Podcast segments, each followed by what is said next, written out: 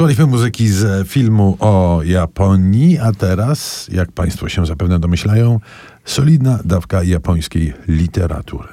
Tę solidną dawkę zapewni nam Natsu Miyashita, autorka japońska i jej powieść pod tytułem Las z wełny i stali. Zastanawiam się, Szymon, czy ty zgadujesz, o czym to jest? Las z wełny i stali. O co może chodzi? Bo to jest bardzo wyrazisty tytuł. Las z wełny i stali. Myślę, myślę i przychodzi mi do głowy tylko i wyłącznie jakiś wydziergany ręcznie sweterek. Nie, to jest y, fortepian. Wnętrze fortepianu, w którym ha. przecież są struny i młoteczki, które są powite, y, obite filcem.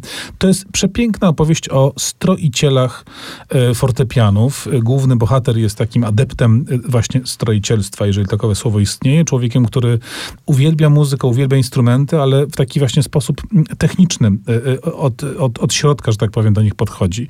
To jest taka historia bardzo delikatna, historia o relacjach między ludźmi, którzy, które się budują poprzez te instrumenty. Bohater poznaje dom, w tym domu mieszkają dwie młode dziewczyny, pięknie grają, ale jedna z nich w pewnym momencie przestanie w ogóle grać i wokół tego buduje się cała, cała historia. Bardzo sugestywna, delikatna, taka wymuskana, powiedziałbym, ale w dobrym tego słowa znaczeniu y, proza.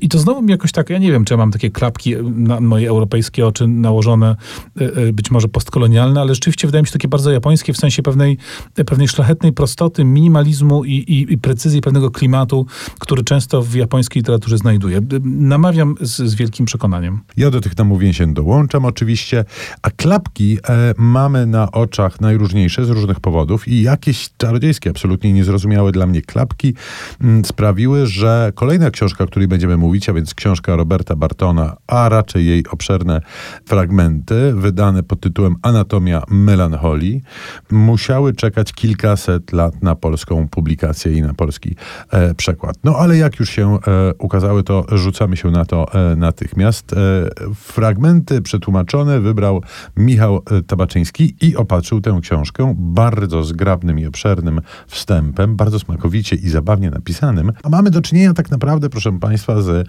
z pierwszą europejską książką, czy w, z pierwszym europejskim studium, e, co tu dużo mówić, depresji, bo tak e, chyba trzeba o tej książce powiedzieć. Książka zresztą jest niezwykle skomplikowana i jest kompilacją też różnych cudzych e, myśli i obserwacji. Książka na świecie jest e, uznawana powszechnie za pozycję e, klasyczną i wśród jej wielbicieli jest na przykład ukochany przez nas obojga Jorge e, Luis Borges i niech to będzie wystarczającą rekomendacją. Tam powinien być taki pasek. Jorge Luis Borges polecam.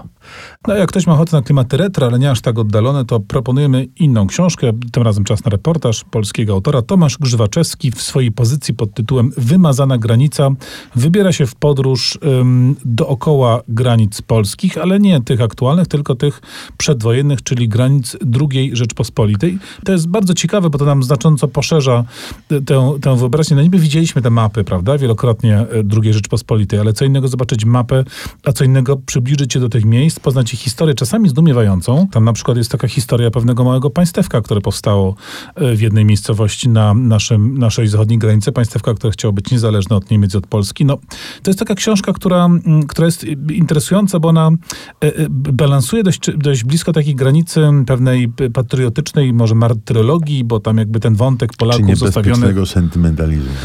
Też tak można powiedzieć, ale mam wrażenie, że Grzywaczewski wychodzi z tego obronną, no, jeżeli balansuje, to chyba nogą obronną, w tym sensie, że to trzyma się mocno faktów, nie, nie popada e, w jakiś zbytni sentyment, chociaż pewne sentymentalności rzeczywiście gdzieś tam pobrzmiewają. Bardzo interesujący reportaż yy, i miałby się ochotę tam pojechać, choć nie zawsze będzie to łatwe. No tak, e, potyczka z historią i takie balansowanie na granicy e, uczciwości to jak partyjka szachów, dlatego posłuchajmy muzyki z serialu Gambit Królowej.